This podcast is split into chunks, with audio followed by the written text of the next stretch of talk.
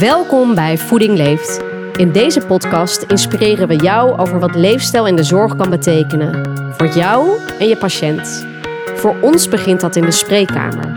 Daar waar symptoom en oplossing bij elkaar komen. David en ik zitten aan tafel met verschillende professionals om te spreken over passie, verlangen en frustraties in de zorg. En natuurlijk over mogelijkheden.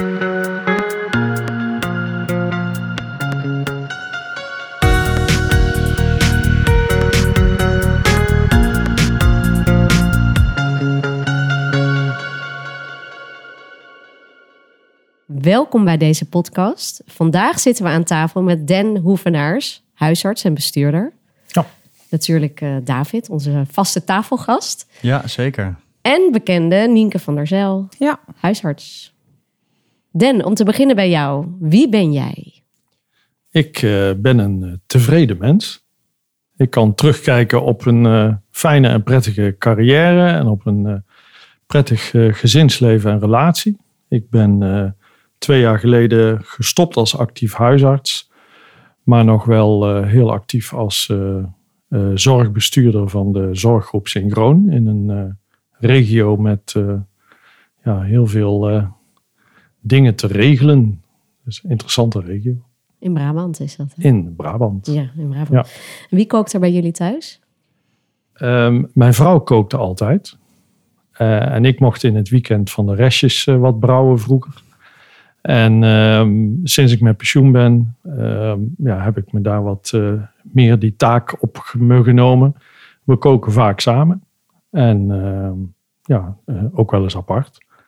En uh, ik moet zeggen, inkopen doen en recepten bekijken en koken, dat is een uitermate positief iets voor je leefstijl. Wat goed. Heb je een lievelingsrecept? Ja, we zijn twee jaar geleden, net voor de lockdown, uh, voor corona, zijn we op reis geweest uh, naar Japan. En dat was wel een openbaring wat betreft eten. Dat je inderdaad met hele kleine dingen iets heel uh, lekkers kunt maken. En dat je met 80% op je bord in plaats van 100% eigenlijk jezelf veel prettiger voelt. Dus ik heb een Japans kookboek gekocht en ik ben naar een Aziatische supermarkt geweest. En ja, er staan ineens hele bijzondere dingen bij mij in de kast. Ze zien het jullie alleen maar met stokjes. dat niet, dat niet. Nee, nee, nee, nee, nee, nee, nee. Het zou wel beter zijn, want langzaam eten is natuurlijk nog beter dan uh, snel eten. Maar nee, dat, dat hebben we maar daar gelaten. Ja. Wat is naast koken, hoor ik net, hè, voor jou ultieme ontspanning? Nou, ultieme ontspanning is toch wel uh, een van mijn belangrijkste hobby's. Dat is uh, muziek maken. Ik speel piano in diverse bandjes, jazzbandjes, Dixieland bandjes. Helaas de afgelopen twee jaar maar één keer op kunnen treden, maar dat, dat hoort er ook bij. En dat, ja, dat is echt de ultieme, ultieme hobby.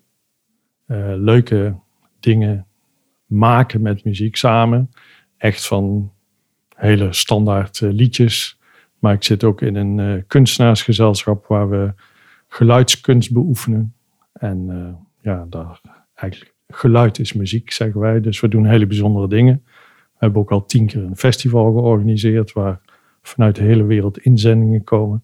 Ja, dat is uh, heel apart. Maar daar moeten we in een andere podcast maar eens over hebben. Wat, wat, vind, je, wat vind je leuk, repeteren of optreden? Um, je repeteert om op te treden. En uh, repeteren is super leuk, maar het is ook leuk om een keer je kunsten te laten horen aan anderen. Hè? Ja. Dus uh, ja, het is allebei, allebei leuk, maar alleen maar repeteren zonder optreden, moi, dat, dat, zou jammer zijn. Maar je vreest het podium niet? Nee, nee, nee, nee, nee. nee. nee. Dit is ook iets wat jullie bindt, hè? Want, want jij bent ook, uh, ook mu muzikant. Ja. Wat ja. vind jij leuker, repeteren of optreden? Ik vind optreden leuker. Dat geeft me iets meer iets meer voldoening. Ik vind het ook wel leuk om te horen wat ik uh, kan, eigenlijk. En, um, en, repeteren kan ook wel eens iets uh, vermoeiends hebben, hè, want er gaan ook dingen fout. Ja. Uh, en, en, en dus, dus bij de optreden trouwens ook, maar dan ga je gewoon door, want het is een, een, een one-taker. Ja, dus je moet wel. Dus er zit hoort, meer actie in. En publiek hoort meestal niet de fout, hè? Nee, exact. Dus dat, dat, dat, dat is zeker waar. Maar um, Nee, ja, in een optreden zit wat meer, meer actie, dus dat vind ik, uh, dat vind ik uh, leuker. Ja. Dan, je bent eh, jaren huisarts geweest. Ja. Waar ben je het meest trots op in die tijd? Ehm, het meest trots ben ik dat ik na een eh, solo carrière van 15 jaar, waarin ik wel veel eh, jonge huisartsen opgeleid heb en iedereen werd huisarts, daar was ik enerzijds trots op. En daarna hebben we met vier huisartsen een hoed opgericht in, eh, in Uden van eh, drie praktijken en inmiddels zes assistenten, drie verpleegkundigen en een heel team van 15, 16 man. En ik ben er vooral trots op dat alle mensen van het begin die begonnen zijn, die zijn eigenlijk nagenoeg allemaal doorgestroomd. Het is een heel hecht eh, team geweest. En in die twintig jaar dat ik daarbij gezeten heb, hebben we echt ja, van, van drie solo-praktijken een, een hele goede samenwerking gemaakt, waarbij we echt als team voor de patiënten stonden. Dus samenwerking, dat is wel een belangrijk ding waar ik trots op ben. Mooi. Wat merkt de patiënt ervan als, als jij goed samenwerkt? Nou, die, die merkt in de logistiek van de praktijk dat het allemaal soepel loopt. Dat iedereen doet wat hij belooft. Hè, dat, eh, dat een patiënt weet als hij contact opneemt met de, met de praktijk hoe dingen lopen. Die merkt dat alle eh, mensen die daar werken goed in hun vel zitten. Eh, ja, en dat al die dingen bij elkaar kunnen zorgen voor een goede kwaliteit van, van zorg. Leefstijl is voor jou heel belangrijk. Hè? Daar ben jij ook wel een nou, voorganger in, denk ik ook wel. Nou, dat, dat weet ik niet, maar dat is ook niet zo heel belangrijk. Maar het is wel een belangrijk punt. Ja, Wat is voor jou leefstijl? ja. heb je een uurtje? Ja, nou wel. We hebben wel even de tijd. hebben wel even de tijd. nou, leefstijl is heel, is heel breed.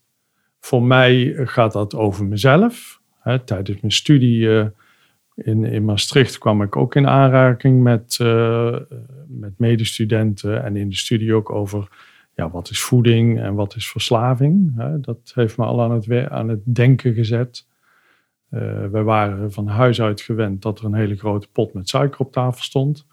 Dus eh, het ultieme moment van een kopje thee was het laatste suiker eruit lepelen.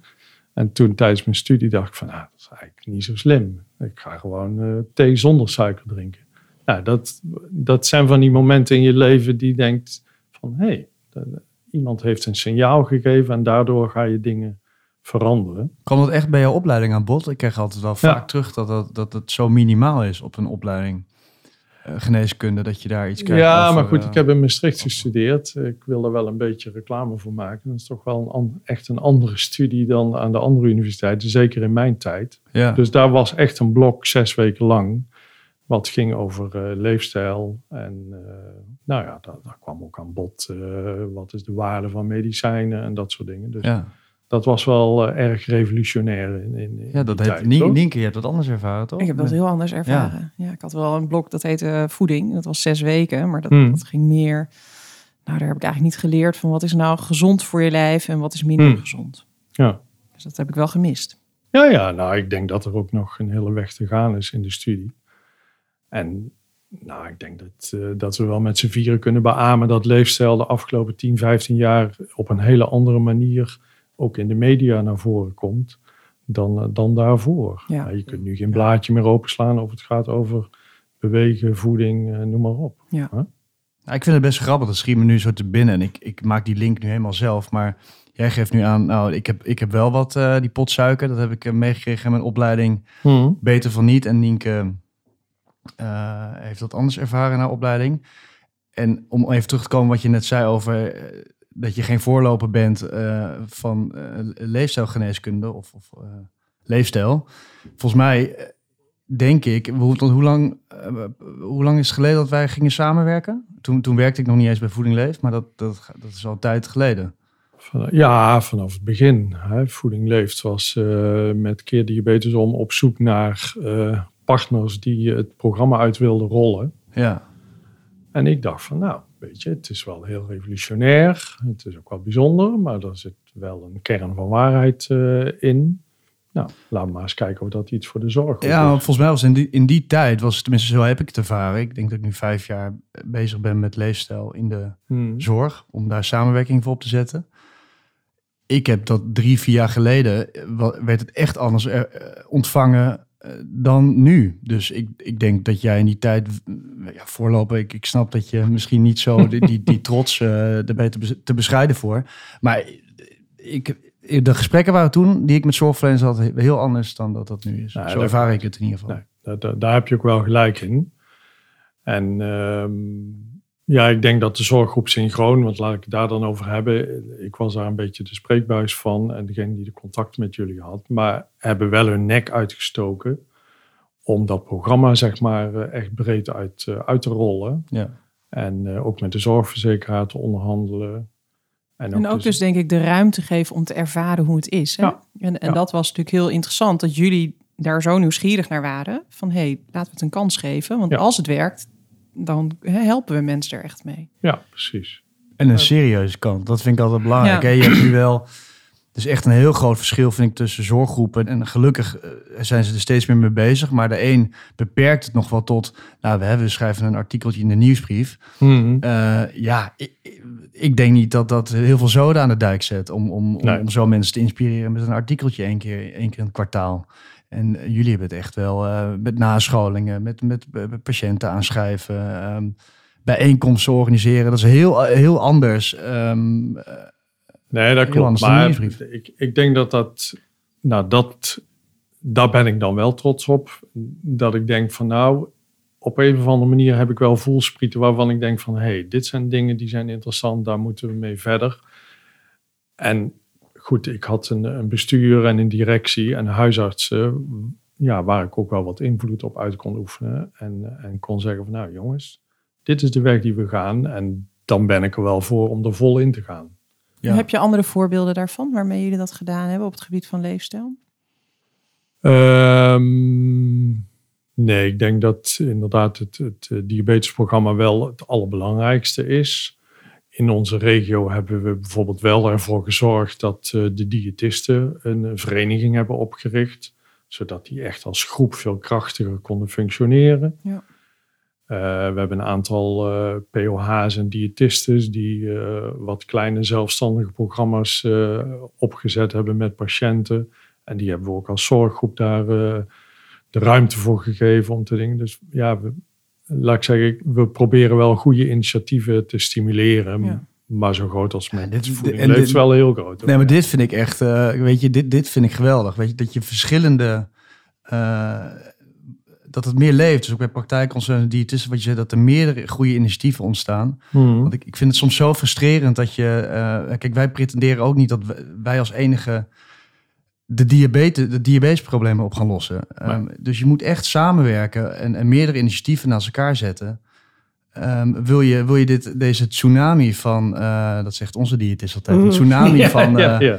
van overgewicht eh, aankomt. En dan, en weet je, het, sommige zorggroepen zeggen dan, ja, nee, maar we, doen, we hebben de glie al. Denk van, ja, dat is hartstikke mooi, de eerste stap. Maar de, Klein is- stukje. is een klein exact, is een klein stukje. En ehm, je- je- we moeten meer samenwerken om dit, om dit aan te kunnen. Want ja, synchroon doet ook de glie en, ja, en keer die bestrom en allerlei andere dingen. Ja, en wat ik dan wel mooi is, eigenlijk weer terug naar de vraag: wat is leefstijl? Jij begon bij mezelf en over je studie en fantastisch over die suiker. Ik zie het helemaal voor me.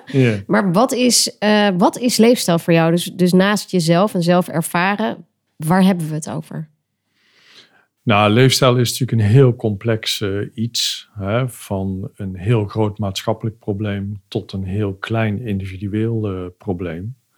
Alleen dat individu dat leeft op dit moment in een omgeving die eh, over het algemeen niet stimulerend is om een goede leefstijl te krijgen. Kun je dat iets concreter maken? Ja, ja, dat ga ik doen. Dit waren de woorden van de bestuurder. Hè? Nou ja, prachtig, want je geeft het heel, heel duidelijk aan dat het ook een groot en een klein probleem is. Ja. Of, een, of een maatschappelijk en individueel probleem. Maar wat ik vaak merk is, ook in de politiek, als we het erover hebben, dat het soms wat vaag of abstract, Klopt. terwijl we gewoon een heel concreet probleem hebben. En het, het probleem, vind ik, is ook echt een maatschappelijk probleem. Hè, dat is niks nieuws. Hè. De, de jong, hoog opgeleide mensen die fatsoenlijk wonen en, en een fatsoenlijk salaris hebben, die vinden hun eigen weg wel. Hè. En die, eh, die snappen wel waar het over gaat. Maar als je naar de wat eh, lagere sociale klasse gaat, die slechter wonen, in een slechtere wijk wonen, ja, die mensen hebben het gewoon hartstikke moeilijk. En andere problemen ook. Ja, En, en ja, die moet je bijna aan de hand meenemen. En, en dan nog lukt het heel erg moeilijk. En dat is het maatschappelijk probleem. Want in Nederland uh, polderen we ons met z'n allen de afgrond in. Hè, terwijl zeg maar de, de, de mensen die, die echt weten waar het over gaat, die zeggen van ja, neem nou eens eh, meer de leiding uh, overheid. En het lijkt er nu op uh, alsof er wat beweging komt in de politiek, maar ja, het is nog, nog lang niet concreet. En dat is ook wel het moeilijke, vind ik hoor. ook voor zorgverleners. ik heb toch altijd wel het gevoel dat je eindeloos tegen de stroom in moet zwemmen en roeien ja, de, de vraag is wie, wat, wat, verandert er eerst? De stroom die tegengaat mm of, of worden de roeiers uh, sterker? Ja, dat is, dat is toch wel echt een dilemma, moet ik zeggen. Wat denk je nu? Of wat weet je daarvan na al die jaren? Nou, ik zie dat de, de zorgverleners blijven doorgaan. Hè? En, maar, maar dat is wel een klein team. Het is echt niet. En daarvoor zitten we nu ook hier. En daarvoor hij doet bijvoorbeeld de vereniging uh, Arts en Leefstijl heel veel. Uh, ja, je moet die mensen wel blijven voeden en enthousiast maken en blijven maken om te zorgen dat ze hun patiënten de goede kant op uh, proberen te krijgen. En ja, die tegenstroom, misschien dat de politiek en de maatschappij wat gaan veranderen, maar dat gaat echt maar ontzettend langzaam. Ik zag laatst weer een reclame op tv over de foodcoach van een van de grote grootgutters uh, supermarkten. denk ja, dat is allemaal mooi, maar uiteindelijk wil je gewoon verkopen. Als je nou gewoon hmm. de helft van de rotzooi in je winkel is uh, eruit gooit, dat helpt beter dan die foodcoach ja. van jullie. Dus weet je, ja, er wordt ook wel veel voor de bühne gedaan, uh, volgens mij. Er wordt heel veel geluld. Ja, vind ik ja, altijd. Ja. ja. Ja, en er wordt, er, er, wordt ook veel gedaan met uh, een beetje showmaking van uh, kijk eens hoe goed wij bezig zijn. Maar uiteindelijk gaat het gewoon om verkopen. En um, nou, wij, wij, zitten in een uh, gebied waar de grootgutters zitten. Hè, Jumbo en Sligro zitten bij ons. Ja, als ik door de Jumbo waar ik boodschappen doe, ja, dan gewoon driekwart van de rijen, daar hoef ik gewoon nooit te komen. Want er ligt iets wat je eigenlijk niet moet kopen. Maar uh, ja, ook die rijen worden druk bezocht door iedereen. Huh? Ja. Hoe kijk jij daar tegenaan over die uh, als huisarts tegen de stroom inzwemmen? Nou, ik heb wel het idee dat het inderdaad wel nu uh, de tegenstroom wat minder sterk wordt. Dus dat er iets meer, uh, zoals je dat zo mooi zegt, wij moeten uh, krachtig blijven roeien. Maar ik heb wel het gevoel dat de stroom iets minder sterk wordt. En dat uh, wat ik merk is dat je steekt ook iets aan binnen je praktijk. Hè? Dus mensen die weten op een gegeven moment dat je daarmee bezig bent. En inspireren elkaar. En dan zie je ook weer, wij als huisartsen behandelen natuurlijk families. En, en uh, buren die weer bij elkaar, die bij mij in de praktijk zitten. En zo zijn er heel veel lijntjes waar je in het begin helemaal geen weet van hebt. Maar die inspireren elkaar ook weer als jij iemand hebt geïnspireerd om een stap te zetten. Dus zo kan je best heel veel invloed hebben binnen de uh, omgeving uh, door met één iemand te beginnen. Ja. ja. als je maar begint eigenlijk. Als je maar begint. Ja, precies. Nou, mijn grote wens zou zijn, is dat tot op uh, lagere scholen een, een vak gezondheidskunde komt. En dat de kinderen thuis gaan zeggen van, ja, maar ik heb vandaag geleerd dat wat hier op tafel staat niet zo goed is. Dat zou natuurlijk prachtig zijn. Hè? Ik, ik had een bordje op mijn eh, bureau staan: stop nou toch eens met roken. En de leukste momenten waren als er een kind uit groep 3 kwam. En ik zat met moeder te praten. En dan zag je dat kind zo stu op. Hey mama, mama, daar staat stop nou toch eens met roken. Dat moet jij doen, dat moet jij doen. Nou, dan had, kreeg die moeder een, uh, een rode kop. En ik lachte me helemaal in kriek. Want een keer daarna, als die moeder kwam, zei ik van... Uh, dan schoof ik zo dat bordje naar voren, weet je nog? Dus ja, het zijn, uh, dat zijn mooie signalen die je als zorgverlener dan kunt geven. En dat is wat Nienke zegt.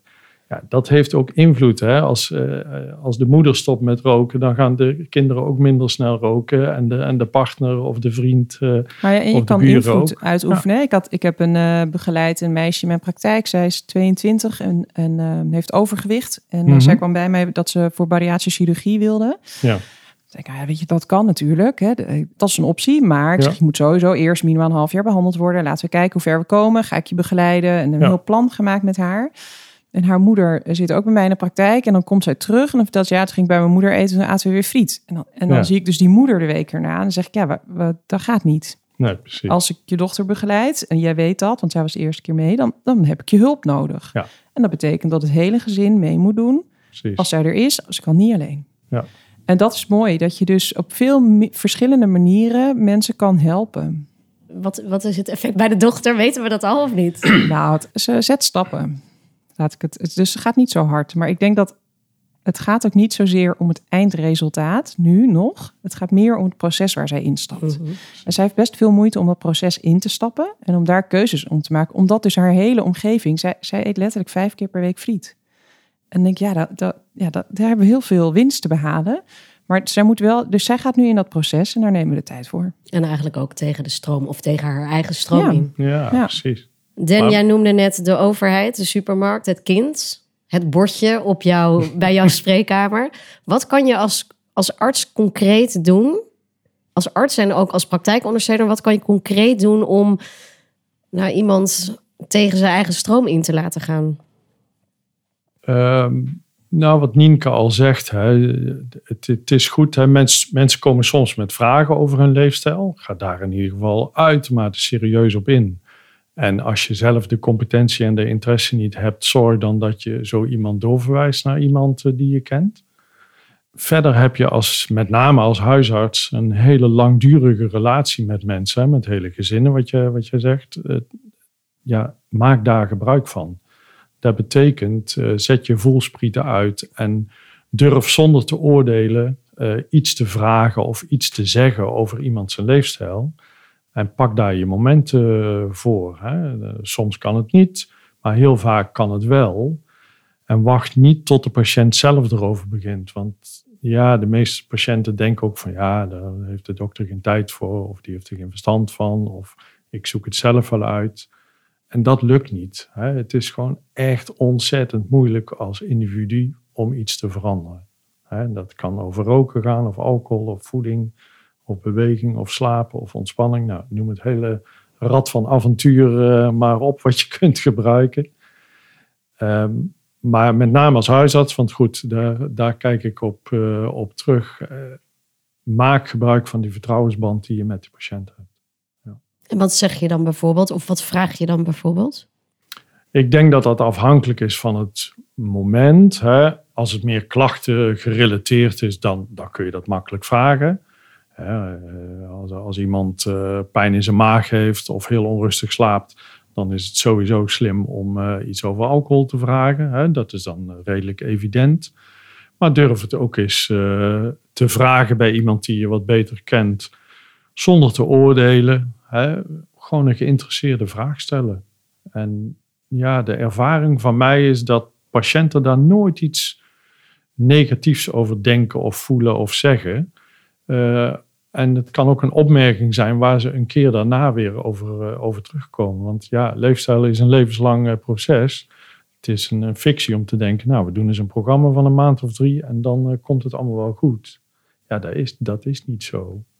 Dus dat, dat bordje op mijn bureau, ja, dat gaf soms ook wel van opmerkingen van patiënten van nou, ik heb nou drie jaar naar dat bordje zitten kijken, nou moet ik het er toch maar eens over hebben. Dus weet je, mensen hebben ook gewoon tijd nodig eh, of een bepaald moment in hun leven of een trigger die gebeurt in hun leven om iets te gaan doen. Dat is vaak ook op het moment dat je tegen een diabetespatiënt zegt van nou ja, u hebt echt hoge suikerwaarden. Ja, dat is wel een trigger voor mensen om, eh, nou, nou moet het roer maar eens om. Of mensen die hun eerste hartinfarct eh, krijgen of, of een andere vaatstoornis. Ja, dat is vaak een ongelooflijk motiverend moment van, oh ja, ja, ik had altijd al willen stoppen met roken. Nu moet het maar eens gebeuren. Ja, eigenlijk ben je dan natuurlijk te laat. Dan denk je van, ja, hadden we het maar eerder iets gedaan.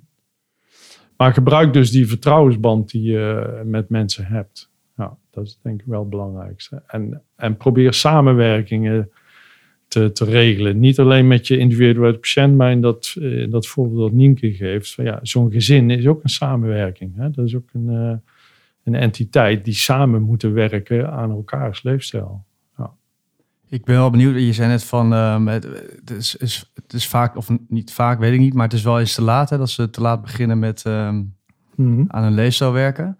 Dat is ook wat ik, wat ik veel terugkrijg van praktijkondersteuners die. Uh, uh, nou zeg je dat, goed zijn of uh, nou, veel met leefstijl uh, doen. Mm -hmm. Die veel patiënten naar, naar interventies verwijzen bijvoorbeeld. En die, die zeggen, ik vraag altijd aan hun ook van wat, wat, wat zeggen jullie nou in de, in de spreekkamer tegen, tegen diabetespatiënten? Um, ja. Om ze te motiveren om aan de slag te gaan.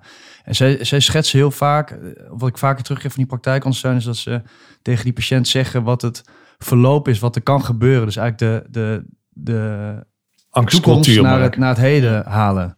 Doe je dat ook? Of herken je Ja, dat? ik vind dat een gevaarlijke tactiek. He, want tenminste wat ik begrijp wat je bedoelt is uh, mensen vertellen als je nou niks aan je leefstijl doet, dan gebeurt er dit en dat. Ja, ja ik weet niet. Je, je weet wat er op pakjes sigaretten staan. Hè? Ik heb nog nooit iemand uh, gezien uh, die minder is gaan roken omdat er op dat pakje staat u gaat dood als u rookt of weet ik wat allemaal. Dus ja, ik geloof daar niet zozeer in. Ik, ik ben meer van uh, kijk, die mensen weten best wel wat ze fout doen. Of mm -hmm. fout doen, wat ze anders doen en wat ze zouden kunnen verbeteren. Ik denk dat je echt gewoon in de diepte moet met die mensen. En moet, moet gaan onderzoeken van ja, waarom lukt het nou niet? En wa wat wil je nou wel? Wat wil je echt? En het lukt vaak niet omdat ze in een omgeving leven. Of omdat ze dingen meemaken. Of omdat ze echt verslaafd zijn aan roken. Ik bedoel, dat is wel, wel een factor die je mee moet nemen.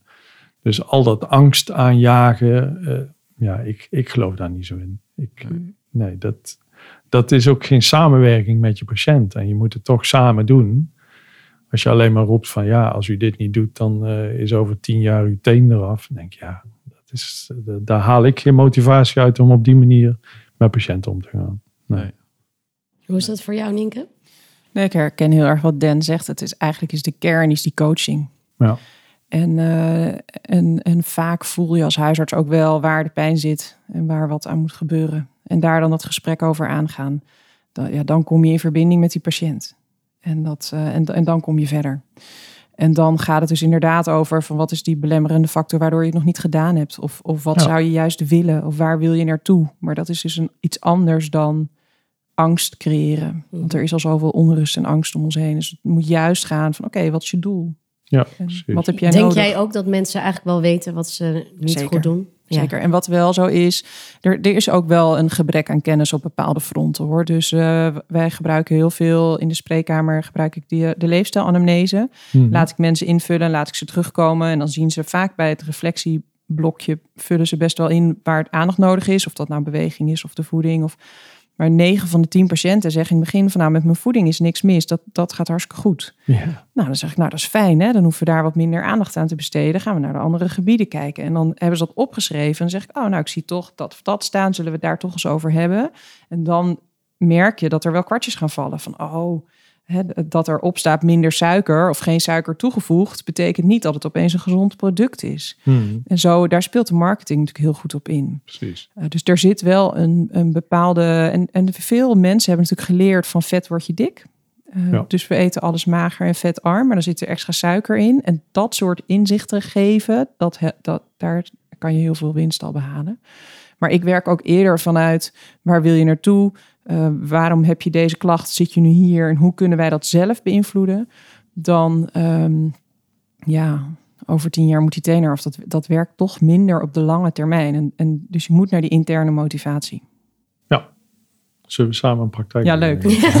dat is toch wel mooi, want het gaat allemaal over samen bij jou, Dan. Ja, dat, ja, dat klinkt dat, heel dat, goed. Dat is ook zo. Ik hoorde net ook al echt alleen maar hele leuke dingen. Dat ik dacht, oh ja, dat is geweldig.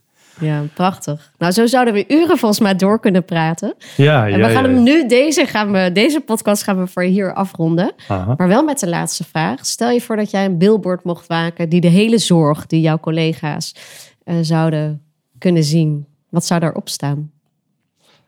Ja, daar zou op staan, Een leefstijladvies aan uw patiënt is een krachtig medicijn voor het hele leven. Zo. Kijk, pak die maar in en geef die maar aan iedereen cadeau. Nou, misschien kun je daar bordjes van maken. Dan zitten we hier op de bureaus van alle zorgverleners. Precies. Mijn werk is vooral achter de computer op dit moment helaas. Maar eh, En hoe los jij dat op? Ga je dan ook wandelen of ehm, ja, ja, ja, ja. ja. ja. compensatie ik- voor het zitten? Nou, dat is misschien toch wel aardig om daar nog even op in te zoomen. Want eh, als je een heel druk leven hebt, is eh, wandelen toch iets wat snel eh, verdwijnt. Kijk, eten moet je gewoon drie keer per dag. Dus daar kun je aandacht aan besteden. Maar wandelen kun je ook gewoon niet doen. Hè? En ehm, in het begin was ik dus aan het wandelen. En vond ik ook dat ik tijdens dat wandelen allerlei nuttige dingen moest doen. Dus dat ik allemaal wetenschappelijke podcasts te, te luisteren en zo. En nu heb ik na twee jaar heb ik een beetje de omslag gemaakt van nee, het wandelen op zich is nuttig. Je hoeft niks te doen. Je moet gewoon lekker wandelen. En nou, we wonen vlakbij een natuurgebied eh, in Uden de Maashorst. Kun je eindeloos lopen. Dus het wandelen op zich en om je heen kijken. En vooral geen muziek opzetten, maar gewoon luisteren naar de dingen om je heen. Ja, dat eh, werkt heel goed. Prachtig. Dankjewel, Dan. Dankjewel, Niks dank. David. Nienke. Leuk Graag dat jullie er gedaan. waren. Leuk. Ja, fijn dat ik hier mocht eh, vertellen. En tot de volgende keer. Ik hoop het. Tot snel. Doei. Dankjewel voor het luisteren. Op onze website voedingleeft.nl zie je hoe wij met wetenschappers, artsen en andere professionals leefstijlprogramma's en scholingen ontwikkelen en aanbieden. Wil je meedoen aan een van onze nascholingen? Of wil je weten hoe je je patiënt kan doorverwijzen naar Keerdiabetes 2 om? Ga dan naar keerdiabetesom.nl.